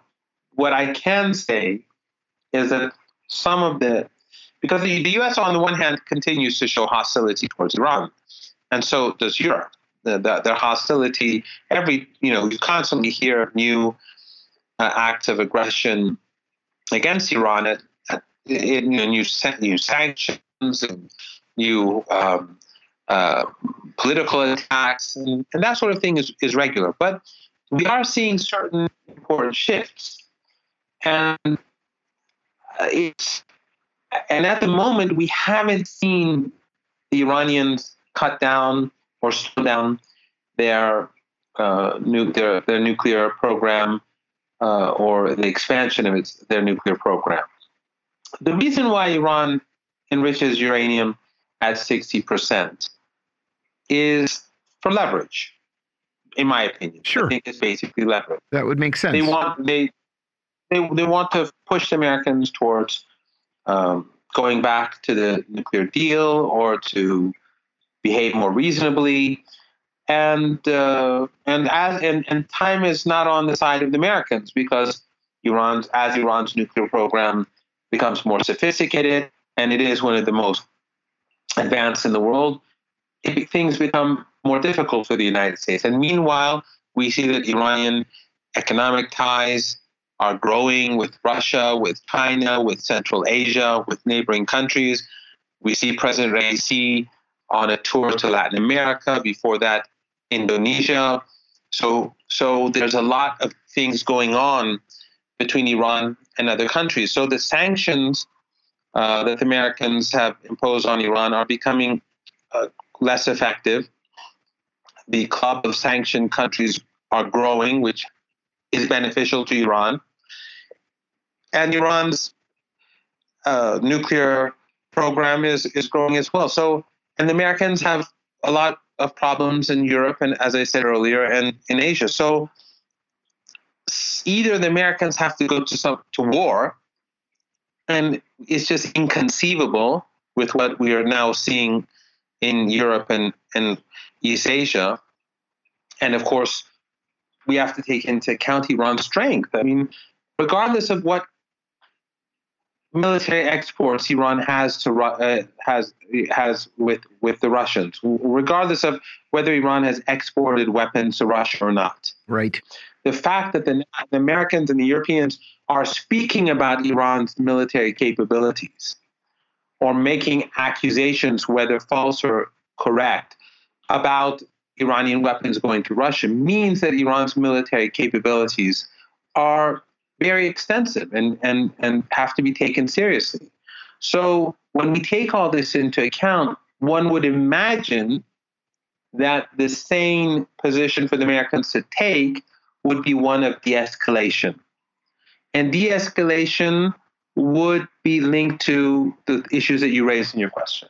But I don't have the answer. Mm-hmm. I don't, I can't give you a clear cut answer. But a sane US administration, taking all these things into account, would move in toward, would probably, would should move in a direction that would lead to de escalation. Some of these things that we've seen already can be signs of the US attempt to de escalate, but these are just interpretations for the time being. Mohammed, the United States is pushing Saudi Arabia hard to establish diplomatic relations with Israel. There's no indication that this is going to happen in the near term, but with the relatively recent establishment of relations between Israel and the UAE, Bahrain, Morocco, and Sudan, the U.S. is optimistic that it'll happen eventually.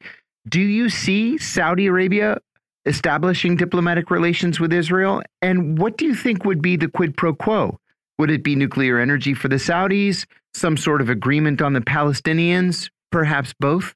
Well, you know my views on Israel. Mm -hmm. You mm-hmm. know I consider it to be an apartheid regime. I don't consider right. it to be legitimate, and I don't believe in a two-state solution. It's not even possible anymore since the West Bank has been colonized so extensively. But I don't believe in it. I believe that Jews, Muslims, Christians have to be have to live equally in a state which is on um, alongside the Mediterranean, whether you call it Palestine or anything else, that's that's a, a different issue. But the problem for the Israeli regime right now is that this, even when it's compared to previous uh, governments, this regime, the Netanyahu regime, is considered to be even more extreme.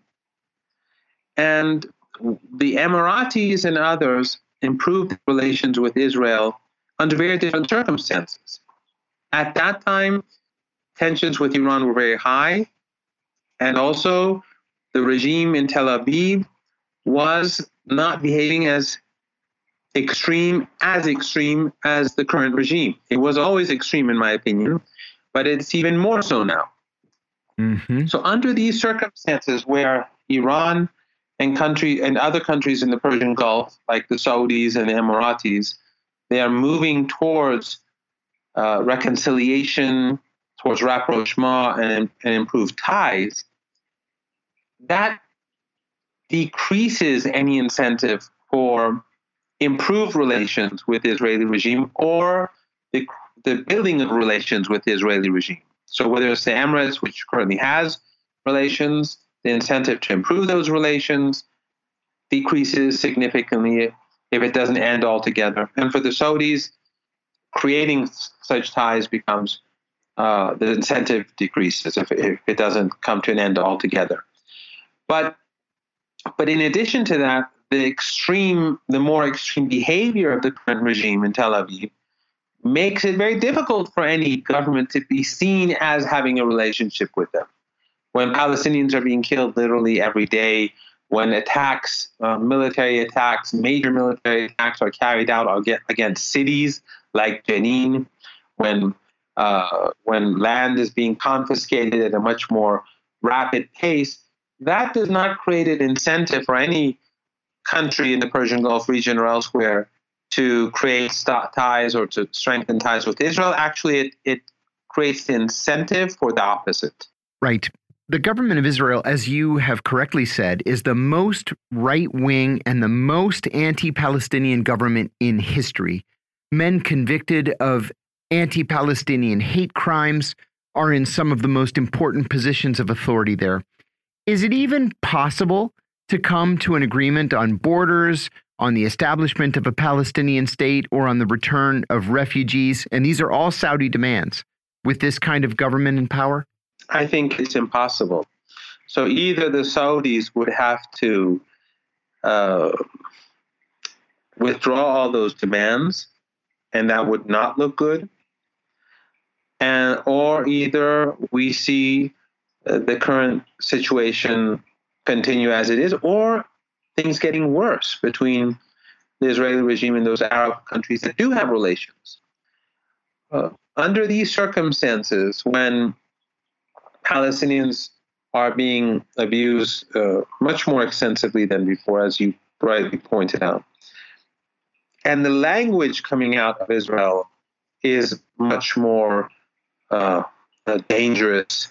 They, they're more openly hostile towards ordinary human beings, called meaning Palestinians.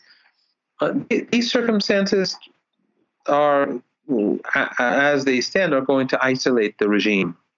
Israel will become increasingly isolated rather than expanding ties. It's going. I think ties are going to get worse. It's going to be more difficult for the regime, and the Iranians know that. And uh, so um, the Saudis, the Iranians, the Emiratis, and others, the more they converge, their interests converge, the more isolated Israel becomes. The more the Israeli regime behaves in an extremist manner and the more open it is about this its extremism, the more isolated it becomes again as well.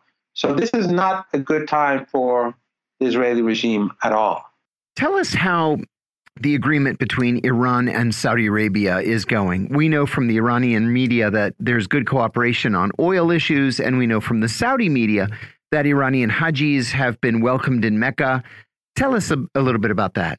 The progress has been good so far. I haven't been following it closely myself, but from what I've seen in the news that I've read, which includes what you've just rightly pointed out, it does seem that relations are improving if the two sides actually do begin a cooperation in the oil sector. I think that would be um, a major symbolic shift. So we'll have to see if they do actually, in in practice, uh, move towards that sort of cooperation. There is also talk of the Saudis wanting to link up their rail system with Iran through Iraq and that would link Saudi Arabia to um, the Central Asian countries as well as to Russia through Iran's railway networks that go to both countries. So um, the opportunities for Saudi Arabia and Iran are immense. Uh, if they continue going down this road, it could create major financial uh, benefits for Iranian and Saudi citizens, and that would be catastrophic, I think, for the Americans and Israelis. But um, we'll have to wait and see. This is a process. There are many spoilers.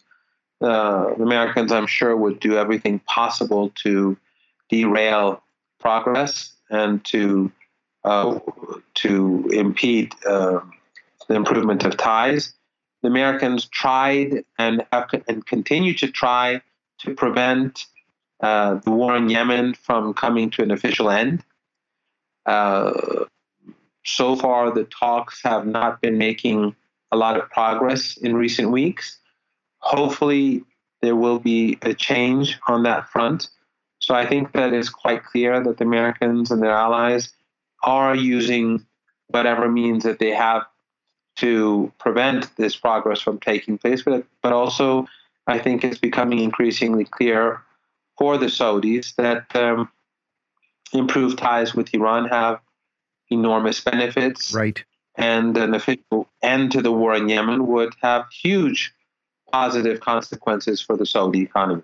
In Iran, have you detected any differences between the positions of the Obama, Trump, and Biden administrations?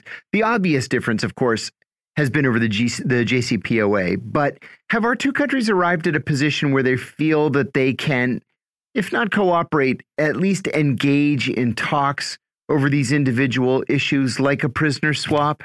I think that Obama um, did a huge disservice to the American people by cheating Iran over the nuclear deal, by violating the deal in, intentionally from the beginning, by not having by not having the intention to fulfill his obligations from day one. Trump, of course, he tore up the deal. He also murdered General Soleimani. But I think the new revelations, and I, it's sort of, I'm moving away from your question, but I think it is linked. The recent revelations of Trump that uh, that he uh, he he he was being he was accused of seeking war with Iran, but he makes the counterclaim that actually his opponents were pushing for war, I think reveal a fundamental fact that there is really no substantial difference between Obama, Trump, and Biden and their people when it comes to Iran. Tactics may differ, but I think that fundamentally they're quite similar. However, the world is changing very fast, and the United States is facing an unprecedented situation with problems at home, the economy, crises in Europe and uh, and in East Asia, and this is this is not the uh, unipolar moment that we lived through two three decades ago. This is a new world, and the Americans, if they are the American government and elites, if they are rational thinkers, if they put their emotions aside, I think they will conclude that they will have to treat Iran differently in future for their own benefit.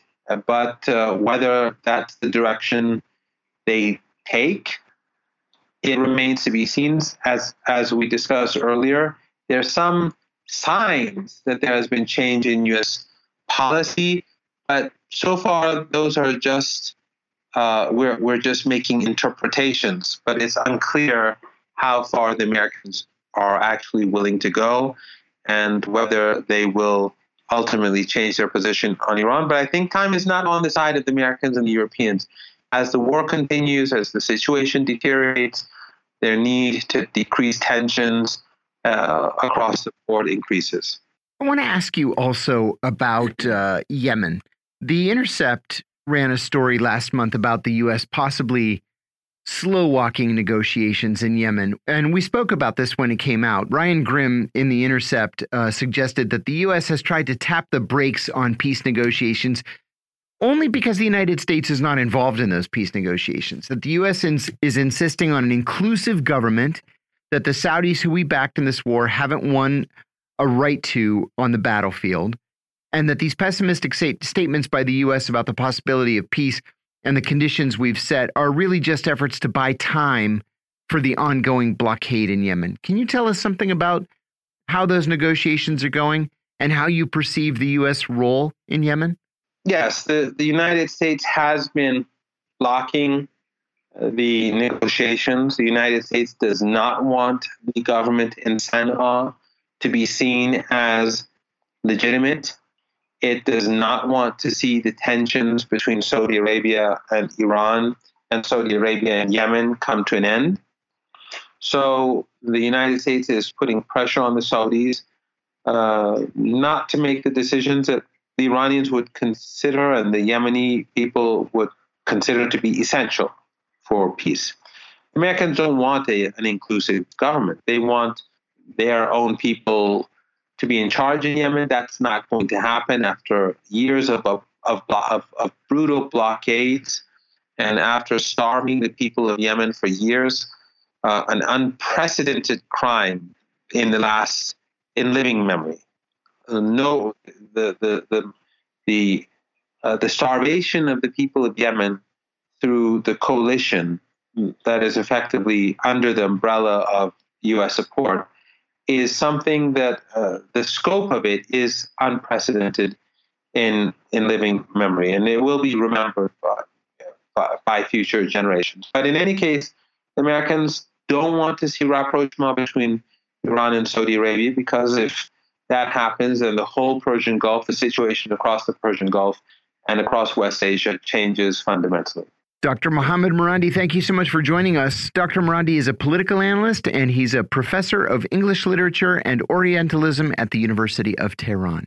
And now to France which is once again for this all day on fire.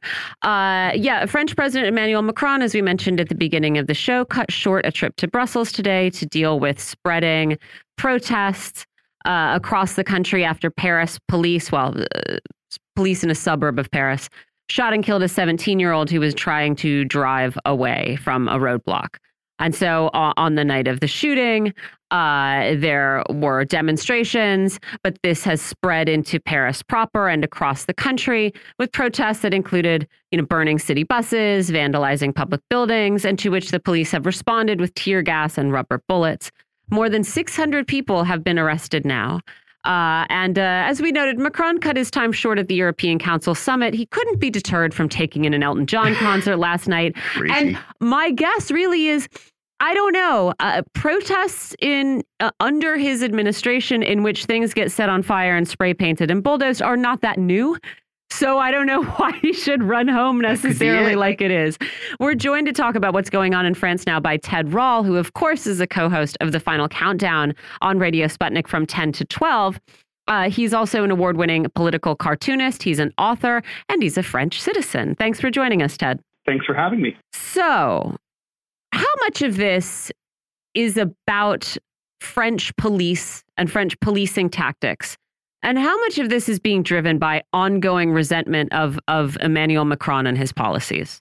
It's 99% the former. Mm. Uh, these have been long-standing issues in France. Uh, you know, the, the there's basically uh, a national police, and then there's the gendarmerie. So Mhm. the the police nationale, is, which is the people who uh, shot this 17-year-old kid. Um, they were established by Vichy, by the uh, Nazi uh, collaborationist regime of Philippe Pétain during World War II. And so its origins are far right. And they, it's had, you know, even by policing standards, a far right culture, racist orientation, and uh, a reputation for extreme brutality. They used to be called the Sûreté. And if you are familiar with the May 1968 uh, student uprising at the Sorbonne, uh, there were the, uh, there was this, a lot of brutality. Ultimately, this almost brought about a communist revolution in France, and it was the Sûreté who came in and beat up the students and their allies in the working class movement and the labor movement. Uh, so they, this is remembered. This is French history that people are well aware. Uh, you know, they're bastards. Um, the the uh, the local gendarmes are like more. They're the local cops. So in each village, you'll find the gendarmerie. Uh, they're not exactly maybe officer friendly, but they have local ties. They don't have the same kind of far right culture, and they're not renowned for the brutality of what of the police nationale. Uh, is this is the police nationale? Are they like uh, state troopers, or do they have like a different jurisdiction? Why why have these two separate forces? What do they what do what do these guys specialize in other other than I guess uh, racism? Well, I mean, literally, the best analogy uh, is the Gestapo, who were the state police in Nazi, in Germany uh, Hmm. before and during Nazi, during World War II, uh, during the Nazi era. Uh, the the purpose is sort of a combination. They're not really like state troopers here. We don't have the equivalent. If you uh, could imagine sort of some hybrid between a state police force that could come and go into any city in the United States um, without having to cooperate with local authorities, but also had like uh, they were not there simply to enforce laws or raise revenue by catching you speeding. Uh, they're also kind of the the goon squad of the state. So they're there to um, make sure that everything's proper, that uh, you know people of color aren't getting uppity, that there's there's order in that that strong sense of the word. It's a there's a there's a political orientation to this. So if the state were, and I mean the nation state here, were deeply concerned about, say, uh, right-wing terrorism, like uh, you know, oath keepers type people, they would establish this kind of police force to sort of keep a watchful eye on things. They, they're they're they're uh, they're not really liked by the gendarmes either. Right. And so, do we know why? Were they sort of, uh, a, are they a permanent presence in some communities? Do they sort of dip in and out? Do we have any idea why they were there in this uh, Paris suburb? Um, well, they are. They're definitely far more. Uh, you, they they definitely do more work in minority areas. Um, they do a lot of what we would call stop and frisk. Mhm. Uh, in France, you're required to carry. Um, your, every citizen has a national ID card, and you're required to carry it with you at all times and to present it upon uh, demand by any public official, including a police officer. So they do a lot of, uh, you know, show me your papers. There's a lot of checkpoints. Uh, you're, there's no right to refuse. Um, just simply refusing to cooperate is grounds for arrest. And in, by some interpretations of the law, uh, the, the Police Nationale has the right to shoot at you just for failure to comply. Although there's some controversy about that in the legal system. Um, this is honestly probably an entity that ought to have been abolished many years ago. Mm -hmm.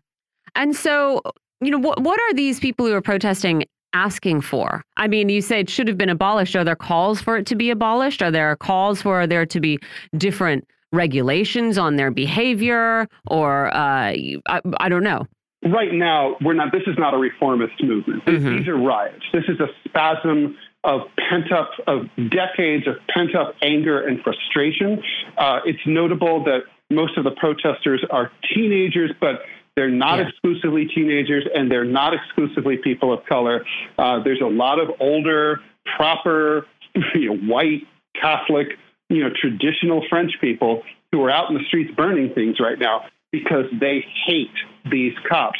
Um, I, so I don't think there's a unified you know list of demands. I, I, suspect, though, in the end, what the what these people really want is for this the uh, for them to be disbanded.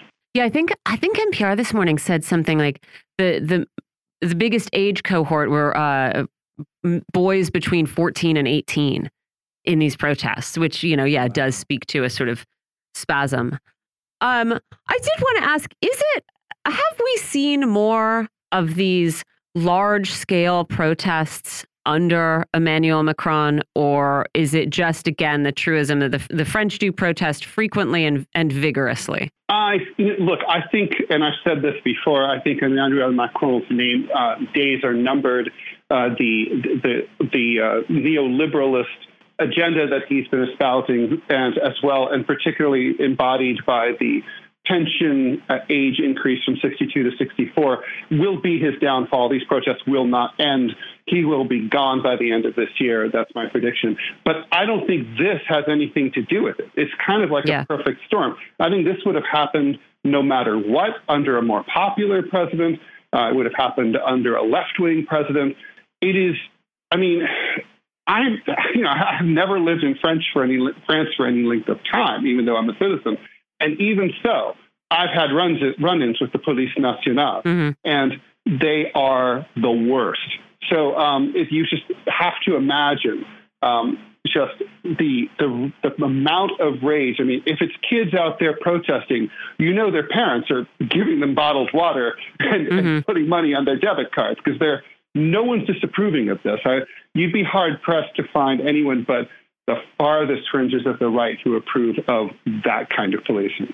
Why is it that they've held on so long? Because it does sort of, you know, I think it goes against the, uh, or it, it doesn't fit in comfortably with, I think, the the most shallow understanding of of what France is and what French society is. That there is, you know, this sort of uh, holdover extremely this sort of holdover conservative brutal police force.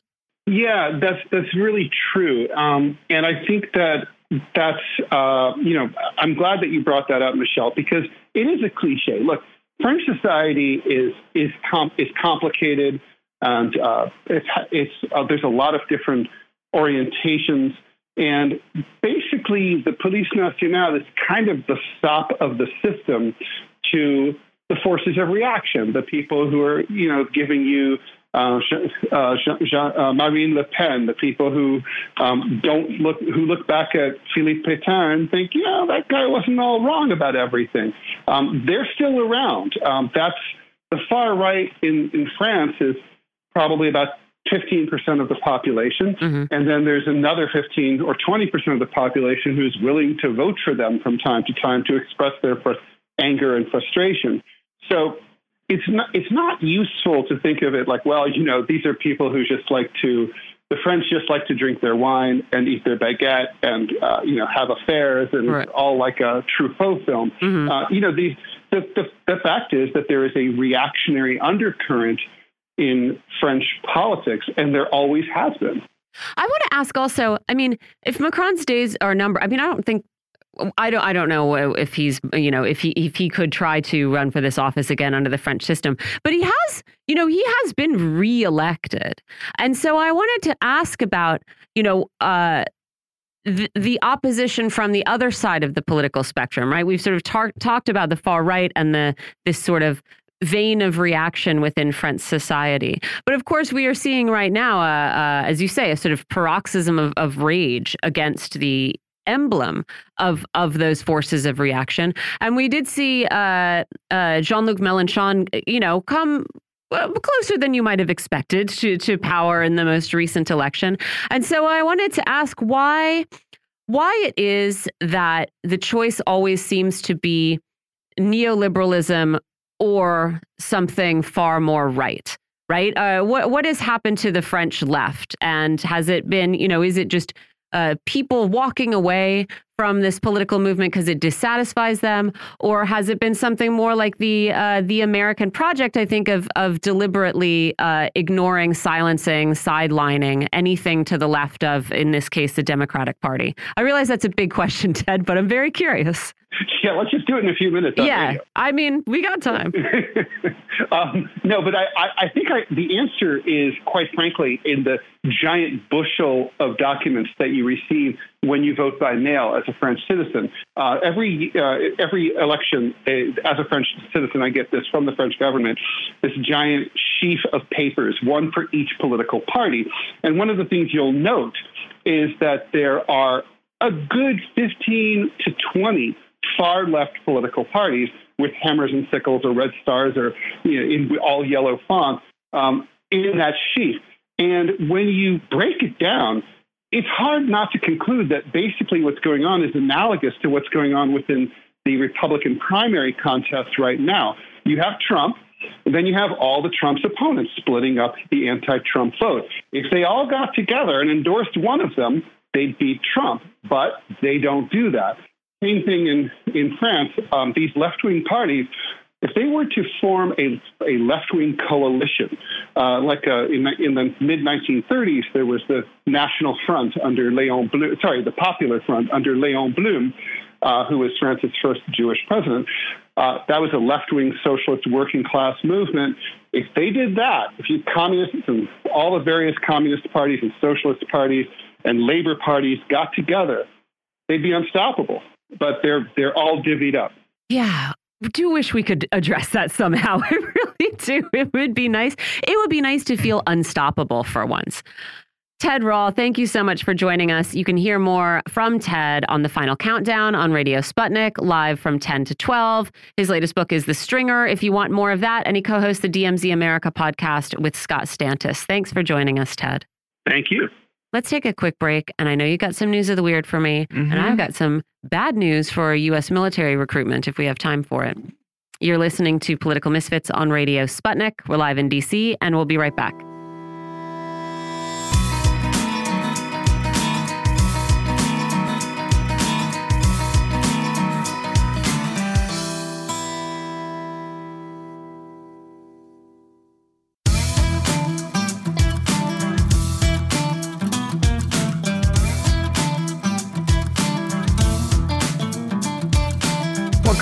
Political Misfits on Radio Sputnik, where we bring you news, politics, and culture without the red and blue treatment. I'm John Kiriakou here with Michelle Witte. It's Friday, and that means it's time for News of the Weird, where we bring you some of the more offbeat stories in the news. And today we begin in North Carolina. All right.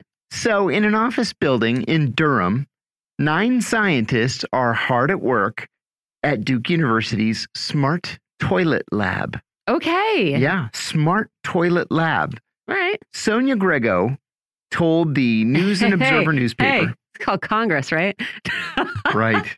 God. Right. I couldn't help it. They are addressing a very serious health problem. That's the problem of gut health.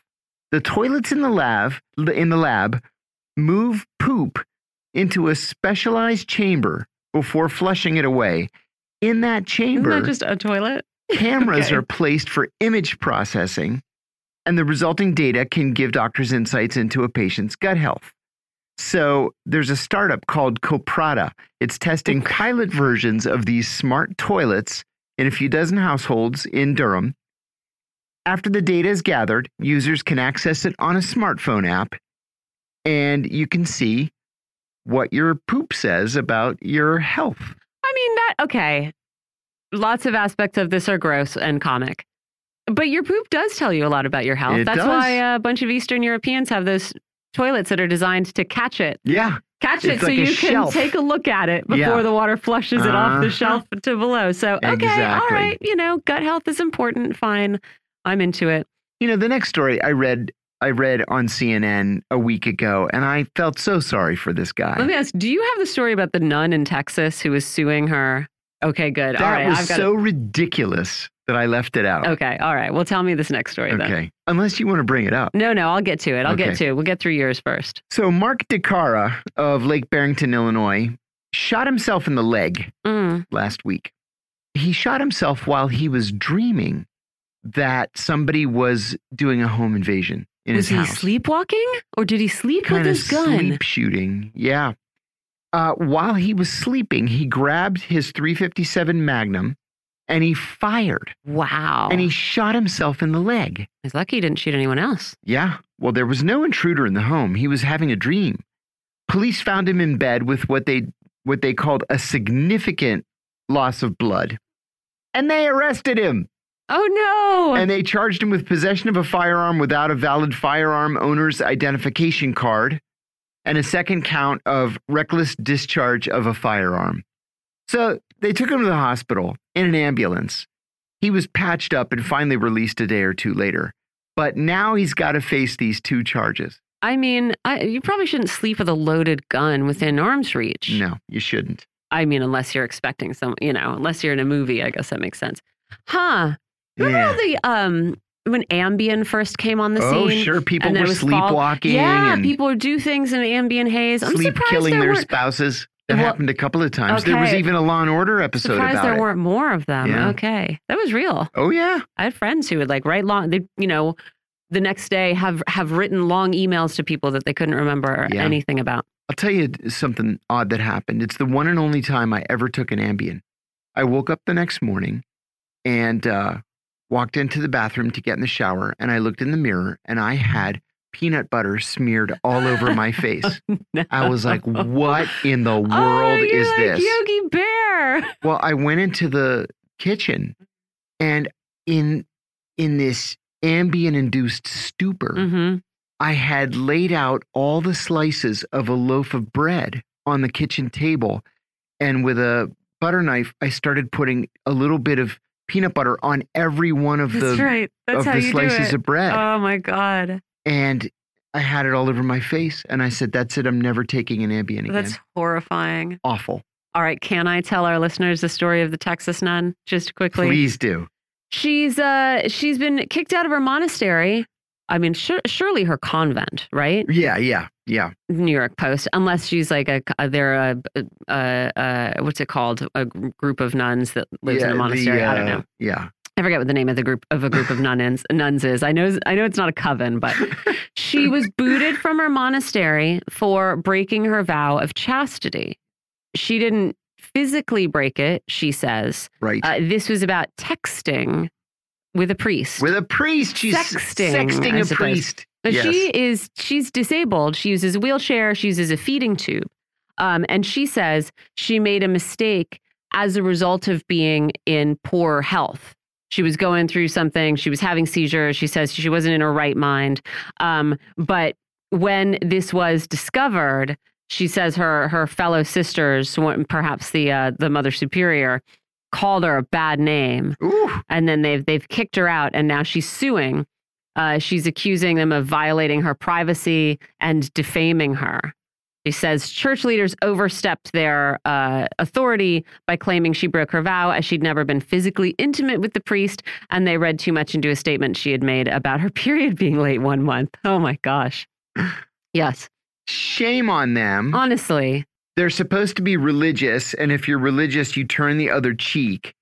You know, it's like Mike Pence. I know I've complained about this a million times, but but uh, Mike uh, General Mike Flynn lied to Pence at the very beginning of the the uh, Trump presidency Mhm. and asked for forgiveness. And Pence said that he and his wife prayed all night, and Jesus told him not to forgive Flynn. mean, it's like, what kind of. Christian are you? And that's the same thing I would say to these these nuns and the Mother Superior. It doesn't sound like she was, you know, doing anything.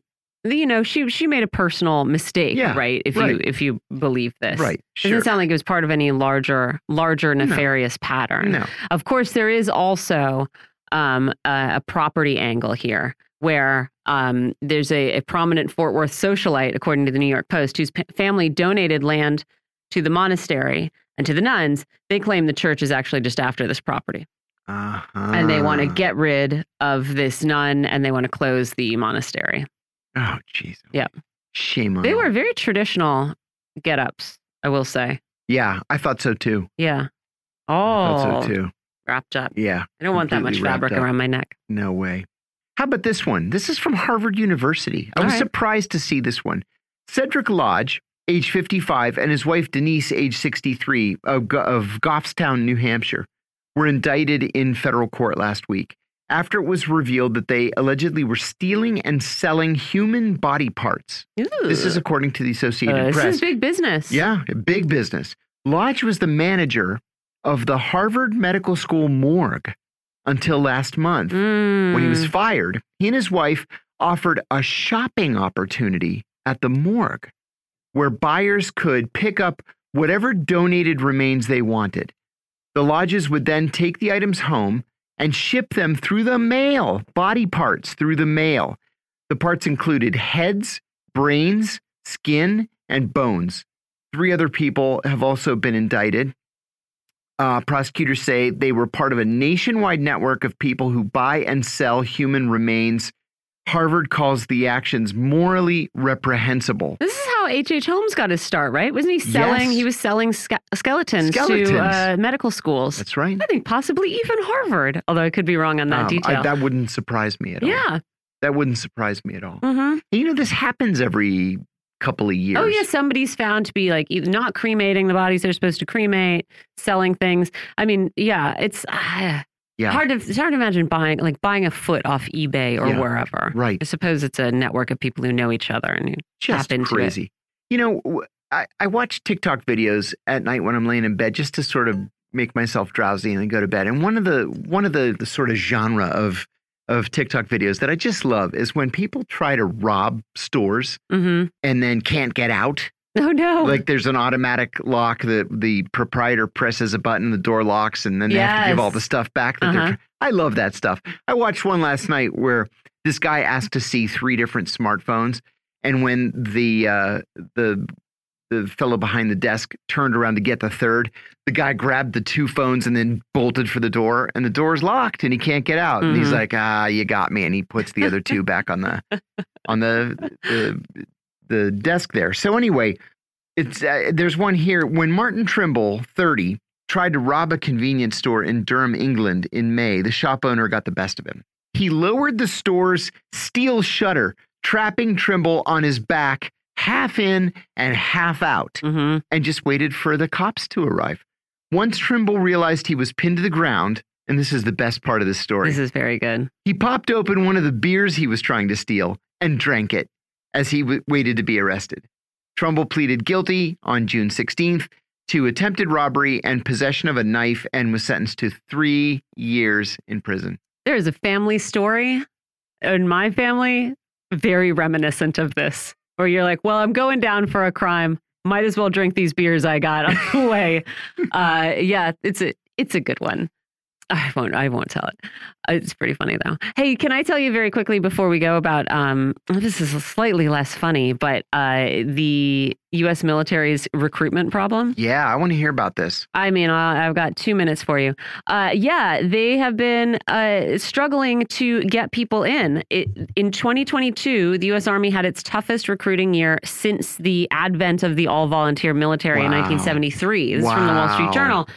It this year it ex- expects to end up short of its target of 65,000 recruits by 15,000.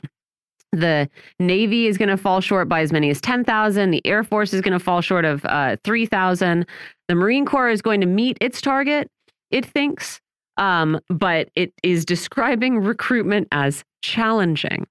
Only 9% of people aged 16 to 21 last year said they would consider military service, which is down from 13% before the pandemic.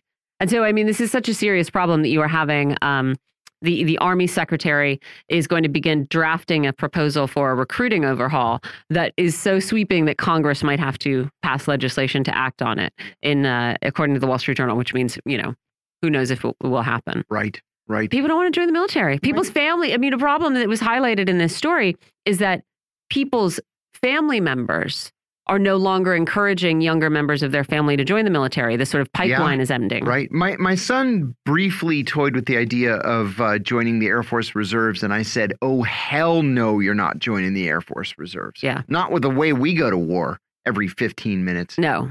No, and I think Uh-uh. perhaps people have gotten tired of that and are thinking, Mhm. "What is this for?" I thought I was going to defend some kind of ideal. I was going to defend my country. Right. And that's you know, defend myself case. after 9/11. There was a big surge of enrollment, and then what has happened since? You think there's no point to any of this? I know right. we got to go. We gotta go. Hey, we'll see you on Monday. Happy Fourth of July. That's right. Bye, folks. Bye.